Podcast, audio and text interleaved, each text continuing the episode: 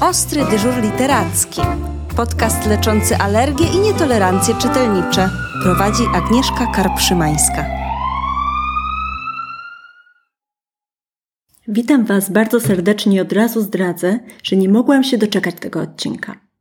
Dziś tematyka zwierzęca, czyli coś, co dzieci lubią najbardziej, ale mamy dla Was niespodziankę. Niespodzianka została zainspirowana pewną sytuacją, która przydarzyła nam się podczas jednego z naszych ostrych dyżurów literackich. My bardzo często pytamy dzieci, o czym lubią czytać książki. I najczęściej słyszymy, że o zwierzątkach. Oczywiście pytamy o jakich zwierzątkach. I właściwie dzieci dzielą się na wielbicieli piesków i na wielbicieli kotków.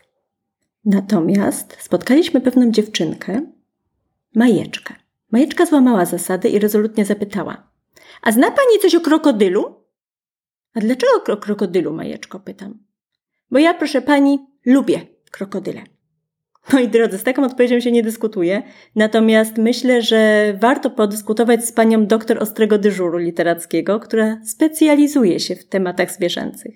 Jest dziś z nami Ania Szymańska.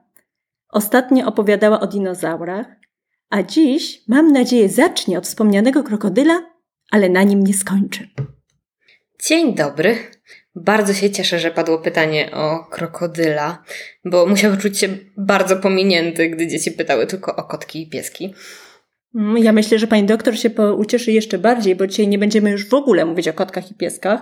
Zostawimy kotki i pieski chociaż na chwilę, chociaż do nich wrócimy w kolejnych odcinkach i będziemy mówić o wszystkich innych zwierzętach. To wspaniale. Inne zwierzęta to moja specjalność. Ale wróćmy do krokodyla. Czy zna Pani jakieś książki o takim milusińskim? No, oczywiście. Mamy tutaj na początek trochę przekorną książkę, która tytuł ma właśnie Krokodyl. Hmm. Pani Danuty Parlak z ilustracjami Roberta Romanowicza. O, to piękne ilustracje. Tak. I yy, rzeczony krokodyl jest trochę domniemany w sensie postaci, y, z którymi on się spotyka, dopiero odkrywają, kim ta postać tak naprawdę jest. Czyli to nie jest jednak krokodyl? A, tego musicie doczytać sami. Nie zdradzicie Pani. Mhm. Zupełnie nie. Kolejną książką jest Uczuciometr inspektora krokodyla Suzany Izern. To książka, gdzie inspektor krokodyl radzi sobie z emocjami i uczuciami. Mm, to bardzo ważny temat. Tak, to bardzo ważny temat. Mamy też książkę Roalda Dala. Przeogromny krokodyl i inne zwierzęta. Mamy tutaj historię nie tylko o krokodylu, ale też o innych zwierzętach. To są chyba krótkie historie. Tak, Więc jeżeli ktoś na przykład podejrzewa, że jest uczulony na dłuższe historie, to to, to będzie tak, to znakomite. Będzie idealne. Hmm, krokodyl wydaje się dość niebezpiecznym zwierzęciem, a bynajmniej wydawał się nam jeszcze przed chwilą. Czy powstają jakieś inne książki o innych bestiach, które zupełnie zmieniają swoje oblicza właśnie w prezentowanych książkach? Tak, tak. Jest y, kilka, kilkanaście książek, które zupełnie łamią stereotypy. Ja tutaj przytoczę kilka moich ulubionych. Pierwszą będzie Smacznego proszę wilka pani Marty o, Guśniowskiej. Bardzo się cieszę, że mamy tutaj ten przykład.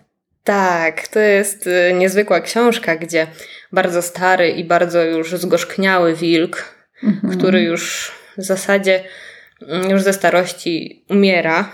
Hmm. Na koniec. już niczego się nie spodziewa. Już niczego prawda? się nie spodziewa. I jest na drażliwy. koniec jest bardzo drażliwy. I na koniec y, zupełnie niespodziewanie yy, zaczyna się dla niego niezwykła przygoda, ponieważ musi się zaopiekować postacią, która normalnie byłaby jego obiadem. Och! Tak, nie zdradzimy więcej, ale bardzo serdecznie polecamy. Ogromnie dużo jest tam humoru. I y, postać wilka zdecydowanie zmienia się na przestrzeni książki i przestaje być stereotypowym wilkiem, który pożera. Czyli nie jest już bestią. Już nie jest bestią. Jakaś inna Inną bestia? książką jest Być jak tygrys. Hmm. Jest to książka e, pana Przemysława Wechterowicza i z ilustracjami pani Emilii Dziubak. I nasz tygrys właśnie opowiada nam, jak to jest być tygrysem, mhm. ale jest dosyć niestandardowy w tym, bo na przykład tańczy z tapirami albo sieka sałatkę pazurami dla małego słoniątka, o. więc niekoniecznie standardowe podejście do bycia tygrysem. Nie jest bestią. Nie do końca. Jak połyka, to tylko w całości. Mhm. I mamy też książkę Jak schować lwa, pani Helen Stevens. I tutaj mamy książkę właśnie, gdzie lew przyjaźni się z małą dziewczynką i ta dziewczynka próbuje ukryć tego lwa przed swoimi rodzicami. Udaje się to? No, musicie przekonać się sami, jest też kilka części. Bardzo pani doktor jest tajemnicza.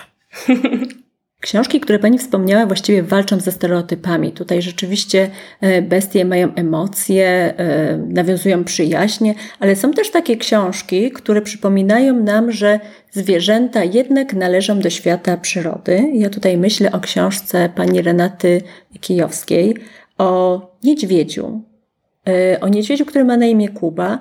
I pomimo tego, że jest prezentowany właściwie jak dziecko, bo właściwie to, co ono sobie myśli, jakie ma marzenia, y, jakie ma pragnienia, co przeszkadza mu w postrzeganiu jego małej misiowatości przez mamę, niedźwiedzicę, to wszystko nam troszkę przypomina nasze dzieci. Natomiast pani Renata Kijowska co róż przypomina nam, że to nie są misie, to są dzikie zwierzęta. I to jest absolutnie piękne w tej książce, że pomimo y, jej warstwy emocjonalnej, pomimo fantastycznej fabuły, y, ona pokazuje, że powinniśmy mieć odrobinę respektu do świata przyrody i nie traktować zwierząt, które spotykamy na swojej drodze, jak przytulanki. Tak, zdecydowanie. I jak już jesteśmy przy pani Renacie Kijowskiej, myślę, że warto wspomnieć o jej drugiej książce, to znaczy Foka Hela i Historia na fali. Mhm. Tutaj poznajemy historię foczki, ale też dowiadujemy się dużo o ekologii i o naszym Morzu Bałtyckim. To prawda. Y, I tutaj weszliśmy w taki aspekt ekologiczny. Jest wiele książek, które uczą nas miłości do zwierząt, ale też do całej naszej planety.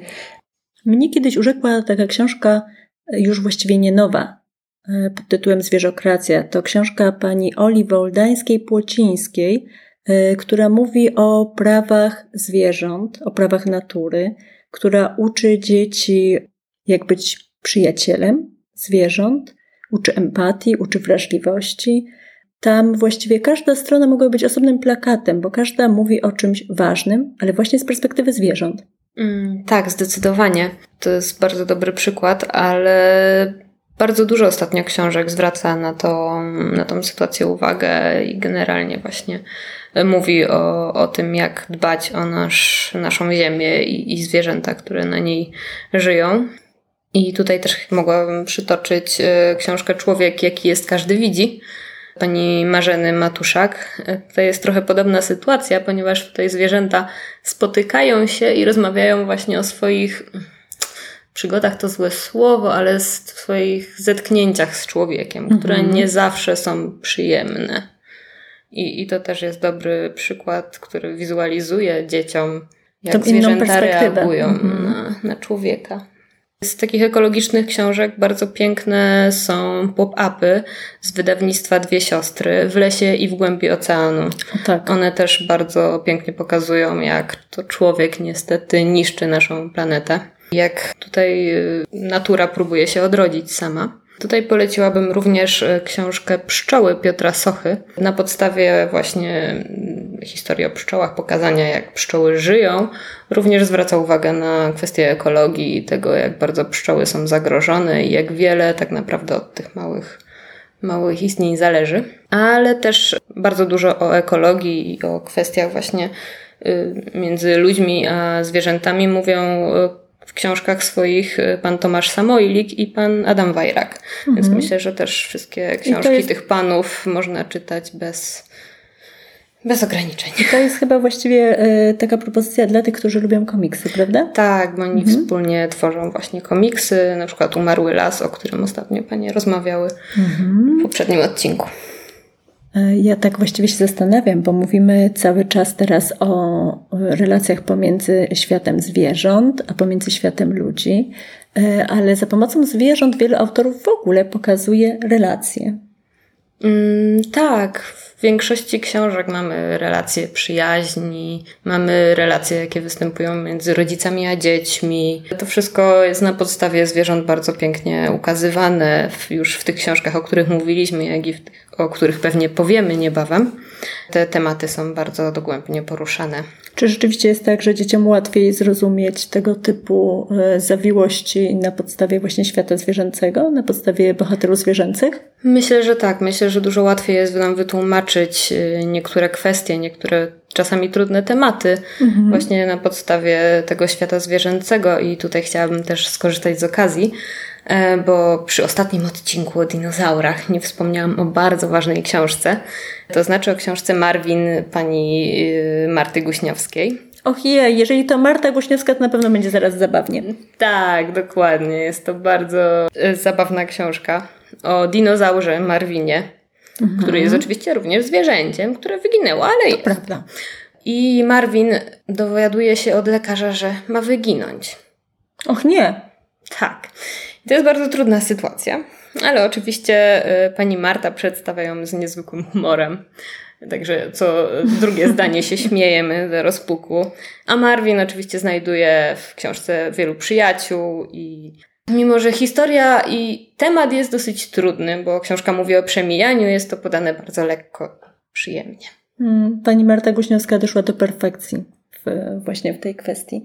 E, ja myślę, że najwyższy czas, żeby przejść do, do pytań od naszych młodych słuchaczy. Proszę bardzo, proszę zadawać. No dobrze, to ja najpierw zacznę, właściwie wbrew temu, co powiedziałam, od starszego słuchacza, bo od mamy Marysi. Natomiast Marysia ma 3 lata, więc wszystko się zgadza. My bardzo lubimy słonie. Posiadamy nawet kolekcję figurek słoni. Na szczęście. Chciałybyśmy poznać jak najwięcej książeczek o słoniach. Można Pani coś polecić? O tak, książek o słoniach jest całkiem sporo. Mam kilka ulubionych. Moją zdecydowanie ulubioną jest książka Pomelo. W zasadzie cała seria książek od wydawnictwa Zakamarki, mhm. gdzie słoń Pomelo nie jest standardowym słoniem, bo jest bardzo malutki, mieszka pod dmuchawcem. Prawda. Ale ma bardzo niezwykłe przygody i niezwykłe przemyślenia i jest niezwykle uroczy. To właściwie książka nie tylko chyba dla e, Marysi, ale też dla mamy Marysi. Tak, mamie na pewno też się spodoba i na pewno wyciągnie z niej bardzo dużo treści dla siebie. Drugą serią książek o słoniach jest e, seria o Elmerze, czyli słoniu w kratkę. Mm. Pana Davida McKee. To jest też już e, seria, która ma parę ładnych lat. To klasyka. Klasyka, ale, ale zdecydowanie też godna polecenia. I zupełnie się nie starzeje. I zupełnie się nie starzeje. I jak już Marysia podrośnie, myślę, że warto też skłonić się w stronę książki Słoń Eriki. O, to zupełnie Pani Sylwii Bishop, pozycja, tak, tak, to nowa pozycja, e, w której e, Erika na swoje dziesiąte urodziny mhm. odnajduje przed swoimi drzwiami na progu słonia. Duży prezent. Duży prezent. Ten słoń był znacznie większy niż pomelo. Znacznie większy. Czy jeszcze coś, czy wystarczy tych słoni? Na Myślę, że o słoniach to na razie tyle. A ja mam w takim razie jeszcze propozycję, zarówno do e, Marysi, jak i jej mamy. Słuchajcie, skoro jest tak wiele książeczek o słoniach, to może obok tej półki z figurkami, słoni na szczęście, zrobicie sobie półeczkę z książeczkami o słoniach. To Myślę, chyba będzie całkiem warto. ładnie pasować. A ja w takim razie przechodzę do pytania od Tadzia. Tadziu lat sześć. Mi się podobają krowy. Widziałem kiedyś takie na wsi, u dziadka. Czy zna pani krowy? No, oczywiście. O krowach jest zupełnie osobny nurt książek. Myślę, że można by już wyodrębnić. No i takimi koro koronnymi pozycjami na pewno jest seria Mama Mu. Mhm. Pani Jui Wieslander, gdzie nasza krowa nie jest standardową krową, o której można by pomyśleć. To jest bardzo szalona krowa, która próbuje robić wszystko to, co robią dzieci. Próbuje jeździć na zjeżdżalni, huśtać się na huśtawce i ma wiele niesamowitych przygód. I ona właściwie udowadnia, że nie ma rzeczy niemożliwych. Jeżeli coś wydaje wam się, że coś jest trudnego, ale bardzo byście chcieli to zrobić, to mama mu pokazuje, że warto się starać. Dokładnie. Mamy też y, krowę Matyldę, pana Aleksandra y, Stefan Smajera. Stefan bardzo to jest trudne nazwisko. Tak, bardzo trudne nazwisko. Mhm. I krowa Matylda jest trochę podobna do mamy mu. Też właśnie y, próbuje różnych rzeczy, też y, przyjaźni się z dziećmi. Myślę, że myślę, że jak najbardziej ta seria jest odpowiednia. Warto wspomnieć też o książce Orkiestra Krowy Zosi i Boże Narodzenie Krowy Zosi. I mm, też są to ciekawe historie, gdzie krowa Zosia urządza przyjęcia. Także też jest niestandardową krową zupełnie. Hmm, nie jestem pewna, czy Dadziu takie krowy widział u dziadka. Myślę, że nie takie, zdecydowanie. nie możemy mieć tego pewnie, bo jak widać, e, krowy bywają różne. Bywają różne. A ja mam pytanie od Julki. Julka ma prawie 8 lat, więc z całą pewnością już sama pisała pytanie. A oto treść. Ja lubię książki takie trochę smutne o słodkich zwierzątkach, w którym wszystko jednak kończy się dobrze. Ale chyba już wszystkie przeczytałam. Czy może im pani jeszcze jakieś polecić? O, smutne zwierzątka. Jak kończy się dobrze, niech pomyślę. Znowu mi przychodzi pani Marta Guśniewska do głowy. Z książką A niech to gęś kopnie. Mm, chyba możemy sobie pozwolić na Mm. takie. Myślę, że tak. Tutaj nasza gęś Mm, jest bardzo urocza i słodka. I bardzo smutna. to Na prawda. początku, tak. Nie do końca widzi sens wszystkiego. Ale na przestrzeni książki to oczywiście się zmienia. Zawiązują się niezwykłe zupełnie przyjaźnie Mhm. z lisem. Myślę, Gęś się może z lisem zaprzyjaźnić? No możecie przeczytać książkę i się dowiedzieć. Ale tak, myślę, że tutaj to jest, to jest bardzo dobry przykład. Ale no, no nie, ta książka nie jest smutna. Właśnie ta książka mm, wyróżnia się tym, że będziesz się dużo śmiała podczas tej lektury. To będzie to leczenie eksperymentalne w takim razie. Zdecydowanie. I ostatnie moje pytanie. Katie, lat 8. Katie, mam taki problem. Mój brat boi się pająków. A to przecież facet. No przecież. Ma dopiero 4 lata, no ale urośnie. Może ma pani jakąś książkę o pająkach, żeby on się ich nie bał już?